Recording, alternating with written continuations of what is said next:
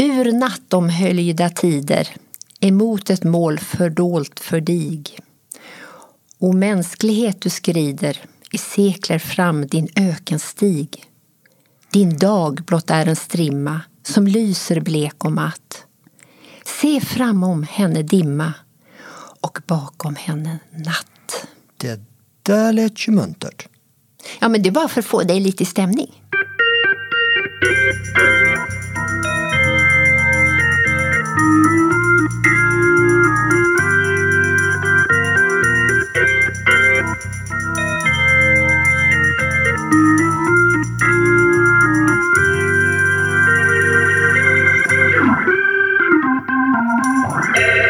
Ja, välkomna då till Göteborgs stadsmuseums egen podd En kvart om Göteborg. Och jag heter Håkan Strömberg. Och jag heter Ylva Berglund. Och nu när 2021 går mot sitt slut så är det väl dags att titta lite på, ja, den där natten bakom oss. Det är dags för vår årliga årskrönika. Och medan alla andra är tråkiga och ägnar sig åt det här året så ska vi traditionsenligt bege oss 100 år tillbaka i tiden. Nej, Nej, vi ska alltså inte alls bege oss 100 år tillbaka i tiden. Varför då? Ja, men om det nu är så här att det är jubileumsår, Göteborg 400 år, då borde vi faktiskt bege oss 400 år bakåt och ha en årskrönika 1621. Okej, men ta inte du min stol nu. Det var jag som ska ropa historia hela tiden. Ja, men du vet stadsutveckling, det har ju i alla fall varit mitt område får man säga. Så nu tänker du... Ja, men det var det något de höll på med så var det ju utveckling av bra miljöer för verksamheter och människor. Eller kanske inte folk i allmänhet utan ja, men bra för kungar och andra potentater som ville hova in makt och pengar. Bygde gjorde de i alla fall. Okej, du tänker så. Men jag ser ändå lite svårigheter. Vi brukar ju till exempel berätta vad de såg för filmer och vad folk läste och vilka nyheter som gällde och sånt. Jag har kollat upp. Allt är förberett ser du. Okej, blockbusterfilmen 1621 var den yttersta domen del 2 återkomsten. Ja, något sånt. Men ska vi börja lokalt eller globalt? Jag börjar globalt ut så svävar vi in. Okej, världens största stad 1621. Äh, ja, det var knappast London eller Paris ska vi säga. Var det Beijing? Nej, Istanbul. Istanbul, nästan Europa. Ja, men kan man säga. Men Istanbul är alltså huvudstad i det väldiga Osmanska riket som ligger där Afrika, Asien och Europa möts. Om något var världens mitt 1621 så var det Istanbul. Okej, och vad händer då i världens, världen detta fantastiska år? Utöver då att uh, världsnyheterna att Göteborg anläggs då. Ja, men man kan säga att de är nästan klara med kinesiska muren. Anläggningsarbete, ja, Ja. mer. I mars 1621 så händer ju något som fortfarande kostar en förfärlig massa kalkoner livet. Kalkoner. Ja, men i december året innan så var det nämligen ett skepp som korsade Atlanten. Aha. Mm. För ombord fanns ett gäng engelsmän som ville bort från religiöst förtryck i England. Puritaner va? Ja. Och nu så skulle de slå sig ner i den nya världen. Problemet var ju bara att det var lite oförberedda på den nordamerikanska vintern så de började dö som flugor. Och dessutom så var den amerikanska urbefolkningen, ja vi kan säga rätt skeptisk. Nej. Men mm, till sist så lyckas den här lokala ledaren Massasoit, tror jag han uttalas, att vi kan ju inte bara se på när de här stackarna håller på att svälta ihjäl. Så han skickade rådgivare till dem och i mars slöt ett formellt fredsavtal som firas med en stor fest. Thanksgiving. Precis. Men sedan dröjde det såklart inte länge innan Massasoits folk och resten av ursprungsbefolkningen längs hela amerikanska östkusten var utrotade genom smittkoppor och vapen. Ja, det var den historien. Kolonialismen. Mm. Började redan på 1400-talet. Vidrigt och fasansfullt, ja. Okej, världen utöver kalkoner. Men vi kanske ska snäva in till Sverige. Okej, men du, då vill jag lyfta fram året innan grundandet faktiskt. 1620, det är ett spännande år. Jaha, vad händer då? Ingenting. Va? Men Ja, okej, ja, det hände väl någonting, men, men det var fred. att du skojar. Nej, nej, det var fred. Hur ovanligt Ja, var alltså, det? om du tänker att 1600-talets första 20 år har liksom hunnits med efterdyningarna av ett inbördeskrig, krig med Polen, krig med Ryssland, en dansk invasion.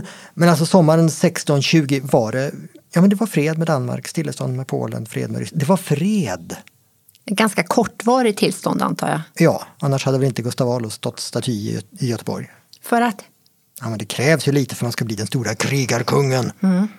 Så under, under vårt 1621 så hade ju kriget med Polen brakat loss igen och sen dröjde det inte jättelänge innan Sverige kastades in i den europeiska tumult som kallas för det 30-åriga kriget. Men Gustav Adolf, då är vi ju framme vid Göteborg, eller hur?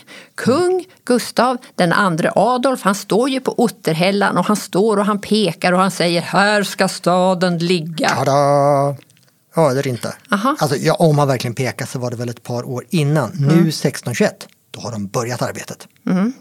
Ja, hur ser det ut här? Nu är vi alltså Göteborg 1621. Vad finns? En grop. En grop.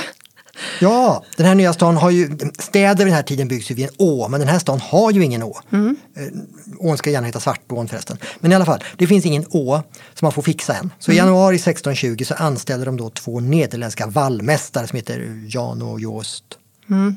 Perfekt holländskt uttal Jag, tror jag vet, det är jag säker på. Men i alla fall, de ska i alla fall leda arbetet med att ge den här nya stan en konstgjord å i form av en hamnkanal. Och som vallgrav för danskar att drunkna i och en jordvall innanför där svenskarna kan stå och skjuta på danskarna medan de håller på att drunkna.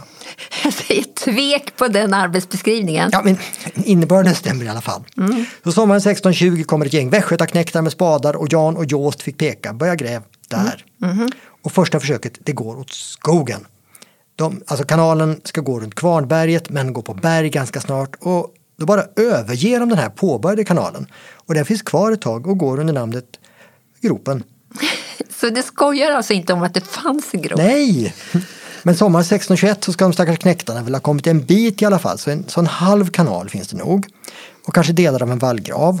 Och vattendrypande lervallar byggda av det de har grävt upp. Mm. Låter mysigt. Men alltså ingenting mer än leriga knäktar här då? Alltså lite byggarbetsplats. Det är folk anställda för att såga stockar som ska bli plankor som ska klä in kanalen. Och ett par smedjor och ett stall för 20 stackars hästar. Som drar stockarna som ska bli pankor och... Värre, de drar pumpen.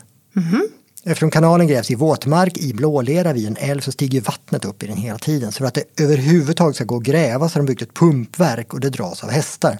Så de ägnar dag efter dag av sitt liv Och att gå runt och gå runt och gå runt. Ja, precis. Så hästar, timmermän, smeder, leriga soldater ett par nederländska ingenjörer. Mm, gå runt och gå runt. Nej, men ingen, om vi säger göteborgare än då? Nej.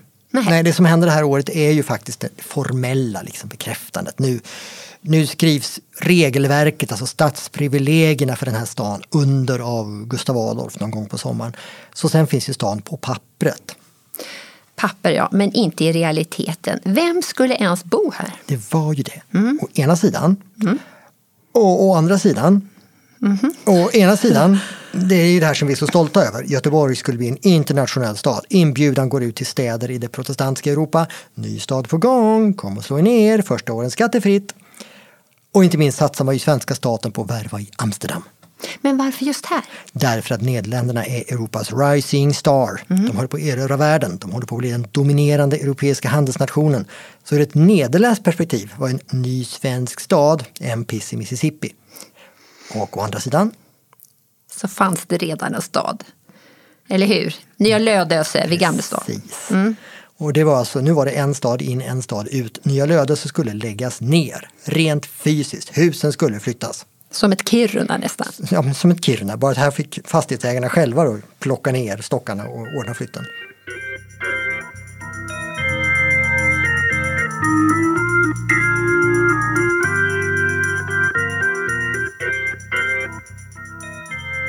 Och vad säger då Nylöseborna om det? Eller kan vi ens veta vad de tyckte? Det är ju det som är så fantastiskt. För vi har kvar Nya Lödöses tankeböcker. Kan man tänka sig? Mummel, mummel. men, men tankeböckerna är alltså protokoll från stadens råd där de hade sammanträden. Och de här protokollen de är som, de är som titthål, titthål in i dåtiden. Och I de här protokollen och en del brev så kan vi verkligen följa kampen mellan statsmakt och Nylöseborna. Och de var som norrlänningarna och sa vi flyttar inte. De ville väldigt mycket inte flytta. Så i september så sätter statsmakten ner foten. Eh, Den som inte har tagit sin tomt i Göteborg eh, typ snart, den eh, får böta 40 mark och den som inte har börjat bygga i april nästa år, den får sitt hus i Nylöse rivet och straffas hårdeligen. Okej, Och vad tycker då Nylöseborna om det? I gäsp. Okej, allvarligt. Ja, men, I alla fall så mycket gäsp att stans utsända, han heter Johan Salvius, ja, vi har ett nytt försök i oktober med högre böter och ny deadline. Och han gör till och med sånt här förtvivlat försök att liksom etablera den här nya stan, byggarbetsplatsen Göteborg som nytt centrum. Så i början av oktober då bestämmer han att nu ska rådstugan hållas i Göteborg och inte Nya Lödöse. Och då ansluter ingen. Okej, skolkar alltså de här rådet? Ja, inom Byggbarack sitter alltså Salvis och tre till. Två är nederländare och så är det en ordinarie rådman, en stackars skräddare som inte fick smset. Mm, det var bara Bellman som saknades. Men alltså då säger de så här, okej okay, allihop, ingen går. Typ. Så nästa rådstuga, det är tillbaka Nya Lödöse igen. Mm. Och så, så det här med att de, det räckte med att kungen pekade? Alltså peka kunde han ju. Mm. Och en sak till som stressar Salvius är att han tror att det kommer en flodvåg av nederländare till våren. Mm. Och var ska de bo om det inte finns några svenska hus där? Och kungen tycker att ah, de får bo i provisoriska träbaracker eller något så länge. Mm, tack för dem. Det är ungefär som om man skulle låta barn gå i skola i byggbaracker. Helt galet, jag vet. Men då skuttar en av de där två nederländarna fram som är en entusiast och säger Ge mig en förfärlig massa silver så bygger jag ett stenhus för 200 pers. Alltså stenhus för 200 pers, fanns mm. det ens? Det är ju som ett hyreshus på 1600-talet. Du förstår. Och säger han, när e- etableringsfasen är över då kan ni bygga om det här till en kyrka eller något annat trevligt. Men det, blev det här av? Nej, pengar vet du. Mm. Okay. Inga pengar till nytänkande arkitektur och innovativa lösningar alltså. Har det blivit bättre med tiden kan en undra. Ja, tveksamt kanske. Mm. Men hur gick det? När blev det något Göteborg? Alltså framåt hösten 1622 verkar det faktiskt som de flesta Nylöseborna är på plats och samma sommar så släpps ju vattnet på i Stora Hamnkanalen. Och då får vi säga att stan är liksom invigd. Men mm. nu, då så upp till bevis. Du sa att du kollat kulturutbudet på den här byggarbetsplatsen. Vilka filmer gick? Alltså nu kan vi säga bio på 1600-talet, mm. kanske inte så mycket. Men det fanns ju teater. Mm. Och bland de här britterna som kom hit så kanske en eller i alla fall någon hade besökt teatern The Globe i London. Oh. Och sett någon pjäs av den här dramatikern William Shakespeare som dött bara fem år tidigare. Och han var väl faktiskt bara en av de här ganska stora brittiska pjäsförfattarna? Absolut. Han var en av de mest kända, eh, förutom kanske då Christopher Marlowe. Åh, oh, han som egentligen skrev alla Shakespeares pjäser? Ja, men precis. Men vänta. Nu säger du bara att engelsmännen kan vara på teater. Var det inga svenskar som varit på teater? Alltså, det är inte så troligt. Men komediteatern i Nya Lödöse då? Ja, den har du faktiskt hittat på. Okej, okej, okej. Men, men kända pjäser av svenska dramatiker? Sorry. Nu anar jag en kulturell trend. Okej, okay, trendspaning. Alltså det här gäller ju inte bara teater. Mm. Konsten, titta mm. på konsten. Mm. I Nederländerna är det guldålder vid den här tiden. Rembrandt går fortfarande i skola, okej, okay, men, men de som kommer att bli hans lärare, de är ju väldigt verksamma. Och flamländaren Rubens är i England och målar. Det här kan vara oljemåleris höjdpunkt. Hur är det med svenska konstnärer? Ja, det är nog inte mycket liv inte. Varför var det så? Ja, men främst två anledningar. Vi har ett skråväsende som la lite sordin på stämningen men främst så är det så väldigt låg efterfrågan. Alltså officiell hovkonst det fanns, men det utfördes ju av importerad arbetskraft. Sverige ligger, kan vi säga, inte i framkant. He, så vi hämtar enstaka konstnärer från IT-länder som Tyskland och Nederländerna då? Mm, precis. Konstnärer eller som de rubricerades då, hantverkare inom figurmåleri. De behövde ju försörja sig även på den tiden. Okej, okay, låter rimligt. Mm. Och de behöver inte bara en ordentlig kundkrets utan de behöver också gynnare, sponsorer, beskydd. Gärna något kungahus och en adel som är liksom med på tåget eller som i Nederländerna. Rika köpmän. Det måste finnas en marknad. Materialist. Ja, och i Sverige? Så var den pyttelilla adeln mer intresserad av snygga hästar? Ja, en och annan tjusig tändbägare men främst helstekta svanar. Mm. Väldigt lite fri konst i början av 1600-talet. Men det blir ju bättre. Okej, okay, det är en annan historia tänker jag. Okej, okay, förlåt jag avbröt dig. Mm. Kulturlivet i Göteborg 1621. Ja, Väldigt lite teater alltså. Däremot har vi, kan vi ta en titt i deras bokhyllor. Ja, alltid kul att tjuvkika i folks bokhyllor. Ja, men visst är det. En bibel, måste vara en bibel. Ja, nu är ju papper dyrt så att det var nog andra lite mer så här lätthanterliga religiösa böcker som gällde. En vi garanterat hittar i en och annan bokhylla är i alla fall Martin Luthers Lilla katekes. Som är ett slags crash course i Luthers kristendom. Ja, allt du behöver veta för att vara en god kristen. Typ, gör så här i komprimerad form. Mhm, Jag tycker de där engelska puritanerna skulle haft ett sån, gäng sådana med sig. Ja, det kan ju du tycka. Men sen tänker jag att vi kanske hittar ett exemplar av den svenska psalmboken från året innan. Låter rimligt. Mm. Och bredvid den står kanske Magnus Erikssons stadslag från 1350 i nytryck från 1618. Men varför, varför, skulle någon ha en, varför har någon den hemma? För att den typ fortfarande gällde. Va? Men du sa att den var från medeltiden? Ja, men med en massa tillägg och ändringar så gällde den här faktiskt ända fram till 1700-talet. Så Göteborg lydde under lagar från 1300-talet? Ja, mer eller mindre. Men om vi istället smyger in och tittar i Nederländernas bokhyllor så kanske någon hade med sig en bok som hette Sidereus Nuncius. Latin, tänker jag, som betyder Stjärnornas budbärare. astrologi, Nej, astronomi. vetenskap på riktigt. Ja, för runt 1609 då gjordes en ny cool nederländsk uppfinning som kallas för ett spionglas. Du satte ett antal slipade glas i ett rör och så kunde du se fienden på långt håll. Oh, den första kikaren! Ja, den första kikaren. Men jag har faktiskt sett i Robin Hood, äh, Prince of Thieves med Kevin Costner, att de har en kikare redan på... No! Okej. Mm, I vart fall, en som blev inspirerad av den här nyheten det var en italiensk matematiker och efter tricks och fix så fick han till en kikare med 33 gångers förstoring och den vände han uppåt. Mot stjärnorna. Ja, och då öppnas en helt ny värld. Han såg ju stjärnor ingen förut hade sett. Han såg berg på månen. Han såg Saturnus ringar och Jupiters månar. Och det var det han skrev ner i Siderius Nuncius som kom ut redan 1610. Okej, ska jag gissa vem han är? Galileo! Galileo! Precis, Galileo Galileo. Själva symbolen för tystad vetenskap. Ja, men den här upptäckten gjorde att Galileo anslöt sig till de här hädiska idéerna om att jorden snurrar runt solen och inte tvärtom. Galenskap!